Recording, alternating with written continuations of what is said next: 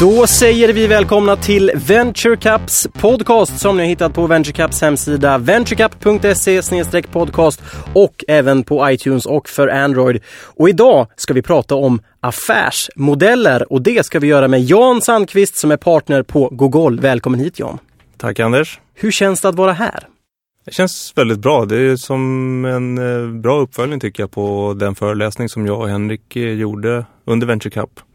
Precis som också finns på VentureCaps hemsida under utbildningsserien.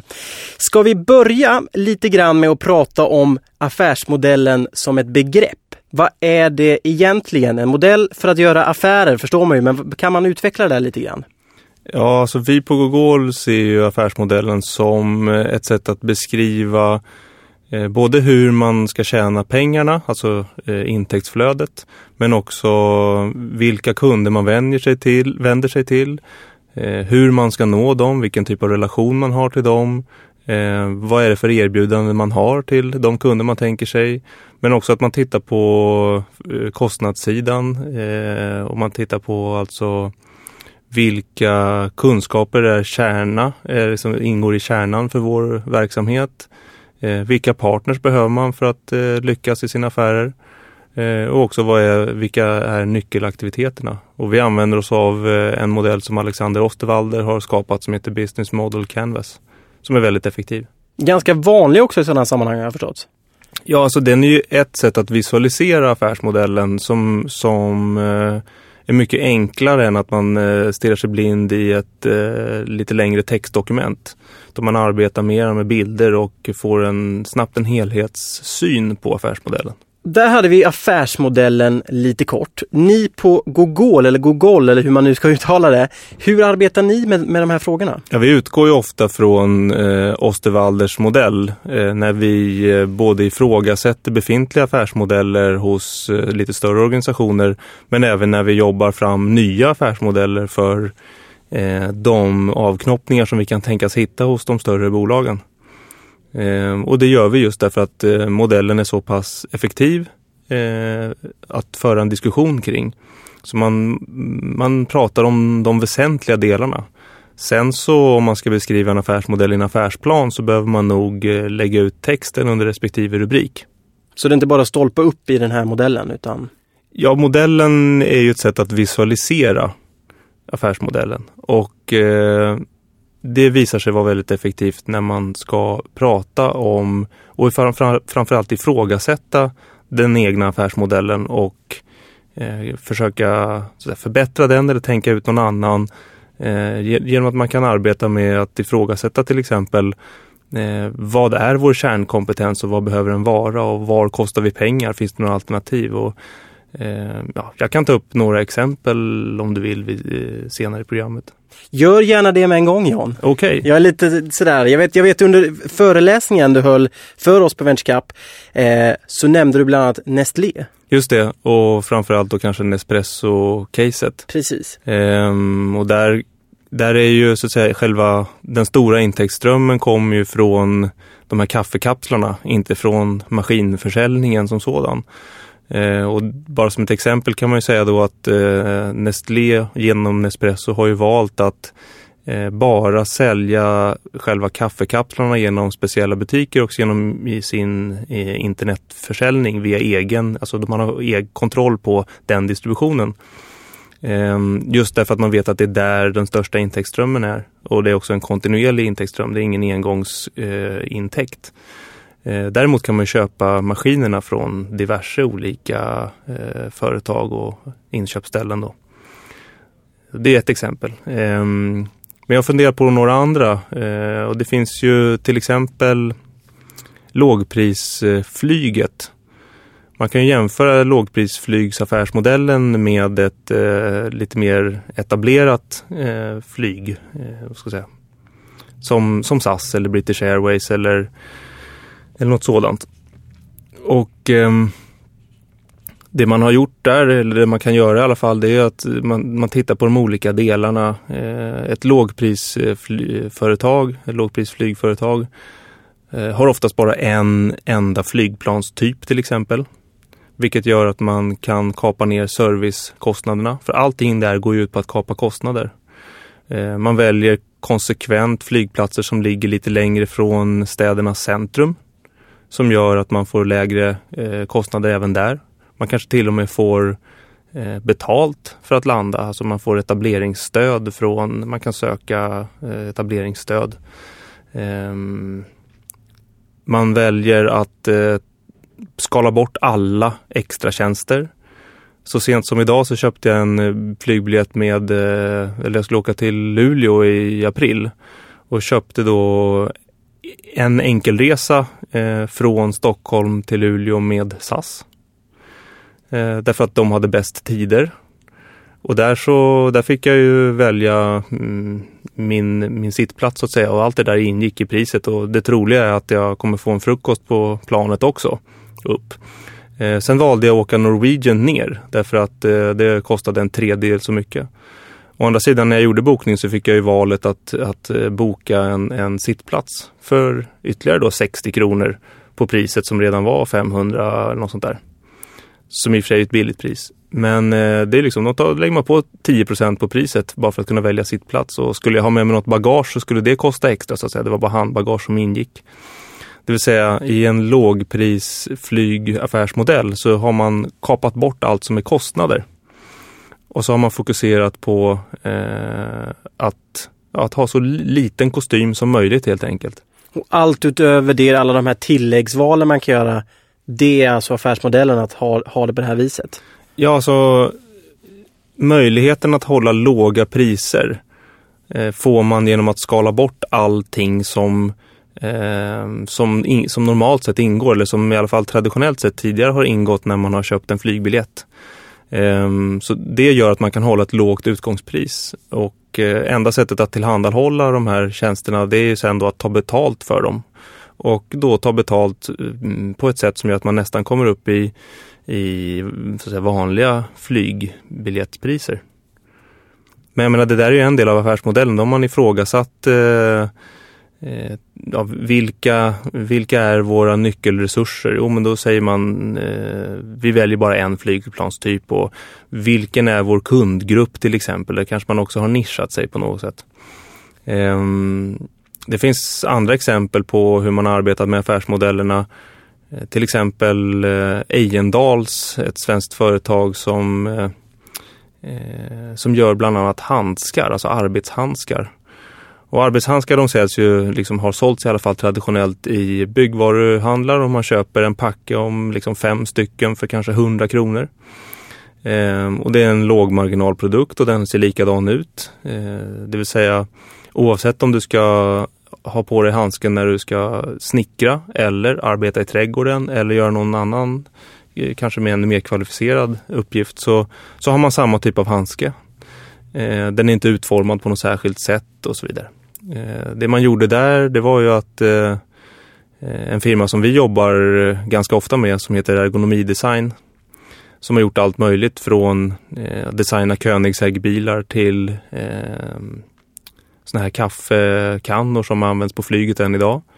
Det är mycket flygreferenser här men eh, det Ejendals gjorde var i alla fall tillsammans med Ergonomidesign att eh, nischa handskarna, alltså ta fram, förstå eh, slutanvändarens behov av en handske och sen så tillverka handsken efter det och göra den så exklusiv och attraktiv så att man faktiskt vill behålla den. Ehm, och det har gjort att de kan ta 200 kronor för ett par handskar istället för 200 kronor för 10 par handskar. Naturligtvis går ju tillverkningskostnaden upp men man tillför ett mycket, mycket högre värde eh, vad gäller produkten. Och det gör att man kan ändra sin affärsmodell. Eh, det vill säga man kan, eh, man kan ta ett, ett annat pris, man eh, vänder sig till en annan målgrupp, alltså sitt kundsegment, som också är en del av affärsmodellen.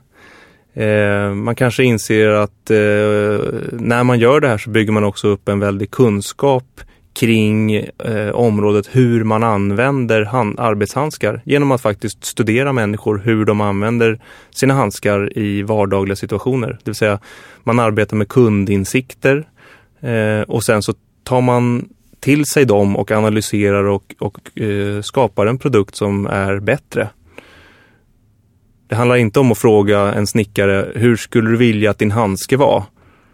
Och så låta honom beskriva att den skulle vara lite billigare och lite tåligare och lite finare och sådär. Utan mm, istället så går man ut och studerar en snickare en, en dag eller flera dagar och, och inser sig, ja det här använder han den till och det visar sig att eh, till slut så har man bara vänsterhandskar kvar för att högerhandsken är utsliten. Och så vidare. Om vi backar bandet lite grann mm. bak till det här Nespresso-fallet. Ja. Där gjorde man ju faktiskt så att man bytte efter ett tag affärsmodell. Ehm, till en början så, så hade man ju inriktat sig mot företagskunder. Det vill säga att placera ut de här maskinerna hos företag. Ehm, och då insåg man liksom inte att det man tävlade mot då, det var en, en ganska säga, stor maskin. Eh, det som kunderna, företagskunderna betraktade som en riktig kaffeapparat. Ehm, och istället skulle man ställa dit en mycket mindre som, var, eh, som fungerade på ett lite annat sätt med kapslar. Det var inte bara att trycka på en knapp och så vidare. Så man, man hade inte kanske förstått sin kundgrupp helt och hållet. Gjorde en paketering som inte kanske passade kundgruppen. Eh, det kan också ha varit en timingfråga. Att eh, på jobbet då, för 20-25 år sedan, så var inte eh, kaffekvalitet mm, det primära. Det var, fanns liksom inte en kaffedrickarkultur på samma sätt som det finns nu. Eh, så dels var nog tajmingen mycket mer rätt. Sen så, så förstod man i, i dagsläget då har man förstått mycket bättre privatkonsumentens behov av att kunna göra en espresso eller cappuccino hemma som håller en, en väldigt hög lägstanivå, eller vad jag ska säga. Så jämfört med att göra en espresso eh, hemma med en handjagad maskin som kan variera väldigt mycket kvalitet beroende på hur färskt är kaffet och hur finmalt det är och hur hårt lyckas jag packa det och hur stor vattenmängd pressar jag igenom varje gång och eh, är trycket rätt och så vidare. Eh, det vill säga det, det, finns en väldigt stor variation om jag ska göra kaffet själv. Jag måste vara ganska duktig och vissa användare vill ha det så. Men jag tror att det Nespresso har gjort rätt där är att de har förstått att de flesta användare hemma de vill bara ha en väldigt god espresso och vill göra den på enklaste sätt. Det vill säga i med en kapsel och så trycker man på en knapp och så är det klart. Ehm, och det har gjort att vi betalar ja, alltså 5, 6, 700 kronor kilot för kaffe numera. Eh, snarare än de, vad det nu kan kosta, 100 kronor kilot eller liknande för, eh, för pulverkaffe.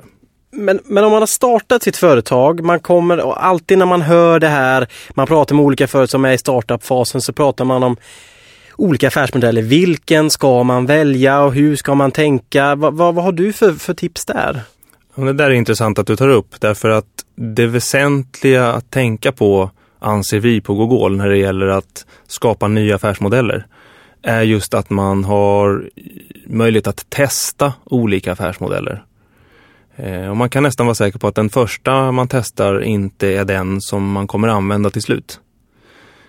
Eh, och med det vill jag säga att den här sättet att arbeta visuellt med affärsmodellen och att medvetet provocera sig själv till att eh, till exempel tänka att vi ska erbjuda det här som en gratistjänst. Vad får det för konsekvenser i de andra rutorna ska man säga, eller områdena? Ehm, man kan också eh, till, ett, ett annat exempel är ju det här svenska företaget iSettle som gör att man kan betala med kort. Man kan plugga in en liten eh, hårdvarumodul i sin iPhone eller jag vet inte om det finns till Android men det kanske det gör. Ehm, och så kan jag kan ta betalt av dig med, så att du kan betala mig med ditt Visakort. Ehm, och där skickar de ut både hårdvara och mjukvara gratis och tar betalt mm, bara på transaktionsavgiften. Och där kan man tänka sig att de har experimenterat med lite olika sätt och tänkt att de ska ta, antingen ta betalt för hårdvaran eller kanske för mjukvaran eller för både och eller för alla tre eller så vidare. Så att din fråga där, hur ska man tänka som startup? Eh, jag tror att det viktiga är att man vågar utmana sig själv och faktiskt testa en massa olika sätt. Alltså en grej är ju då till exempel att säga så här, vi ska klara av att göra allting själva.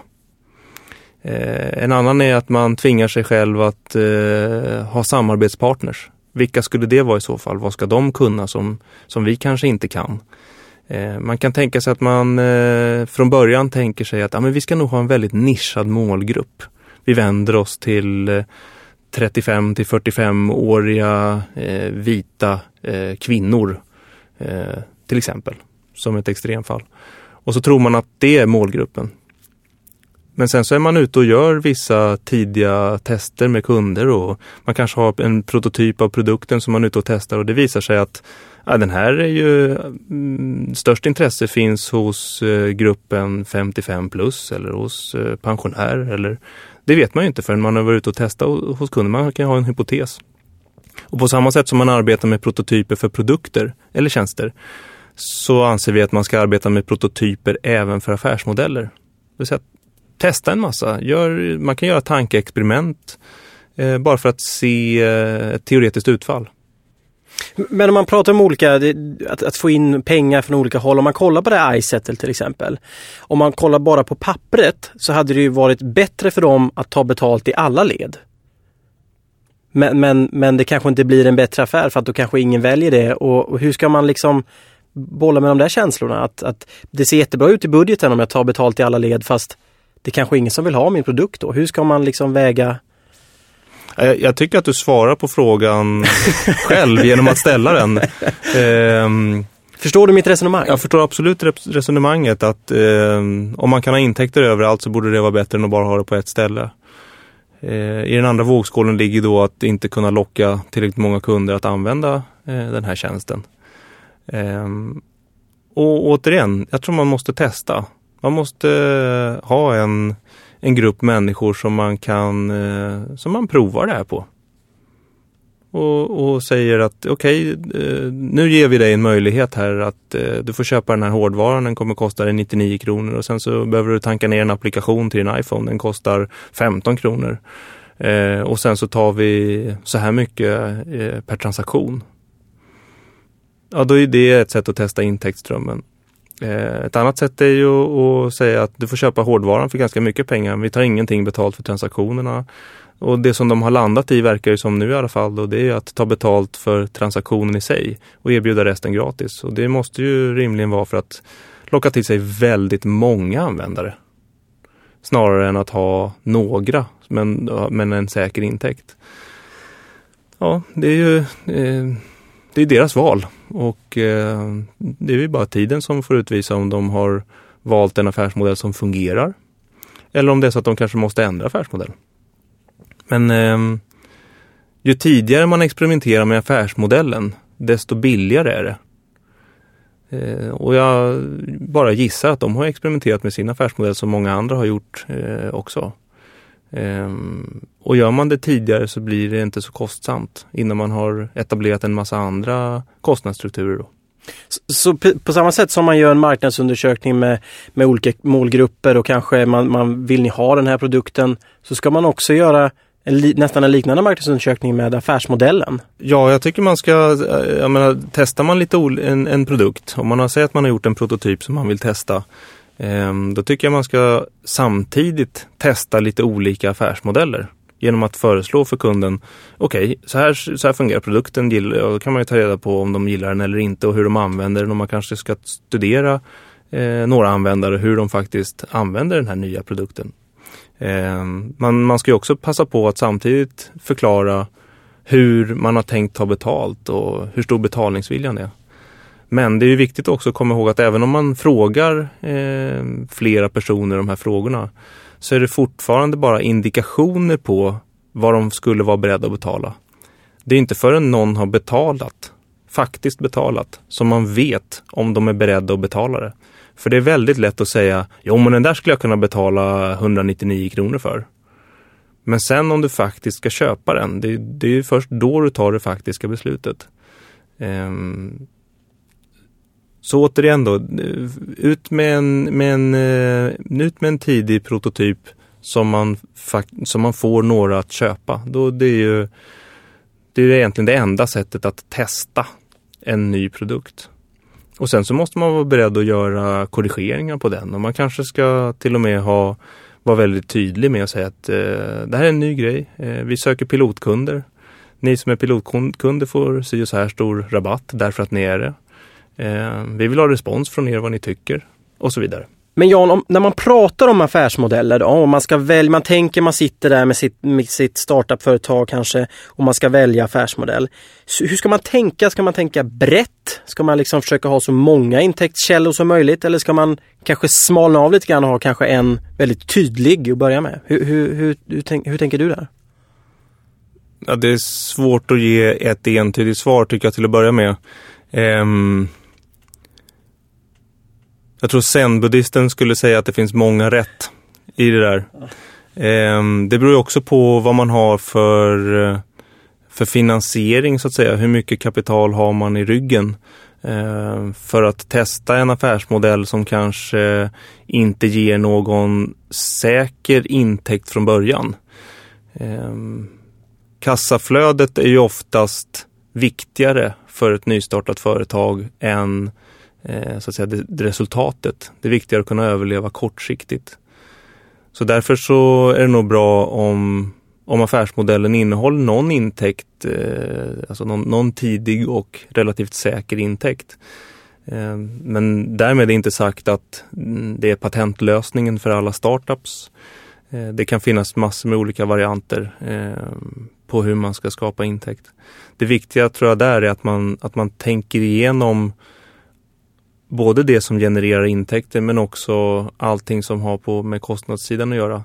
Och jag tycker att det som vi har pratat väldigt lite om hittills som egentligen är det viktigaste det är ju löser min tjänst eller produkt ett faktiskt problem eller behov som någon har eller helst väldigt många har.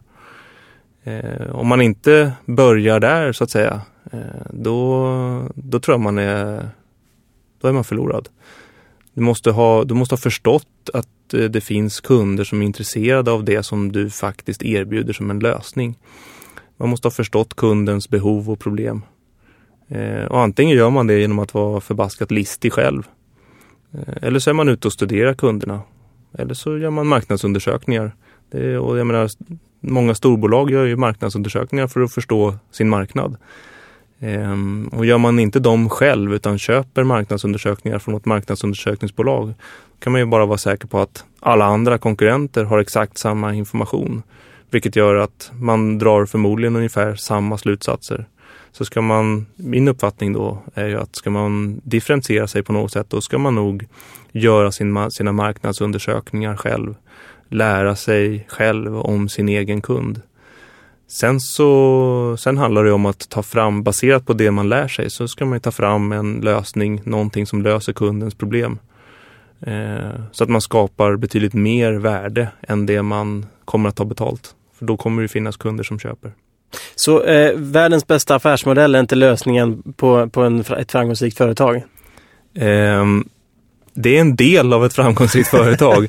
Eh, jag skulle säga att eh, teamet bakom en affärsmodell, alltså de som ska driva företaget, det är, eh, det är nog det mest avgörande för om ett företag kommer lyckas. Det och att man faktiskt har betalande kunder. Även om det bara må vara pilotkunder i början. Men Mm. Vi på Google har en, en modell som vi brukar kalla för 100 till 18 600. Där, Tydligt! Ja, mm. där, eh, där 100 står för eh, att det enda man har i början är en idé. Det vill säga det är 100 procent av, eh, av företaget just då. Eh, men sen för att vi ska kunna räkna det här på lite bättre sätt så säger vi att det är 100 poäng. Eh, att ha ett bra team, det kanske är värt 700 poäng i sammanhanget. Att ha en plan, det kanske är värt ytterligare 400 poäng. Och så vidare. Och att ha investerare kan vara värt ett antal poäng. Men det som verkligen adderar värde, det är de här tre första kunderna som är villiga att betala för din tjänst eller produkt. Och det kanske är värt 3600 poäng. Och det sista som är, som är det verkliga värdet i ett, i ett företag, det är att du har ett års eh, säljplanering, alltså du har ett års försäljning i din, eh, i din plan där du har betalande kunder. Och det brukar vi säga, det är drygt 9000 poäng. Om man summerar ihop det här så blir det alltid på något magiskt sätt 18 600. Och om man sätter 18 600 i relation till 100 som var starten, det vill säga idén, då förstår man att själva idén i sig är inte särskilt mycket värd. Det är liksom 0,54 procent i runda slängar av eh, ett företagsvärde. Det verkliga värdet är, ut, det är kunderna.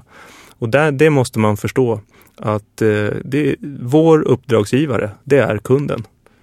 Och jag menar ur Googles perspektiv så är ju vår uppdragsgivare kundens kund. Så att säga, vårt uppdrag är att skapa värde för våra kunders kunder. Då bidrar vi mycket till våra kunder. 100 till 18 600. Poäng eller procent oavsett vad du vill. Jan Sandqvist från Gogol eller Gogol, jag vet inte vad jag ska kalla det. Men tack så jättemycket för att du kom hit och delade med dig av, av dina kunskaper kring affärsmodellen. Mm. Och tack alla ni som har lyssnat på denna podcast som ni har hittat på VentureCaps hemsida. VentureCap.se podcast. Tack återigen Jan. Tack Anders, det var trevligt att vara här.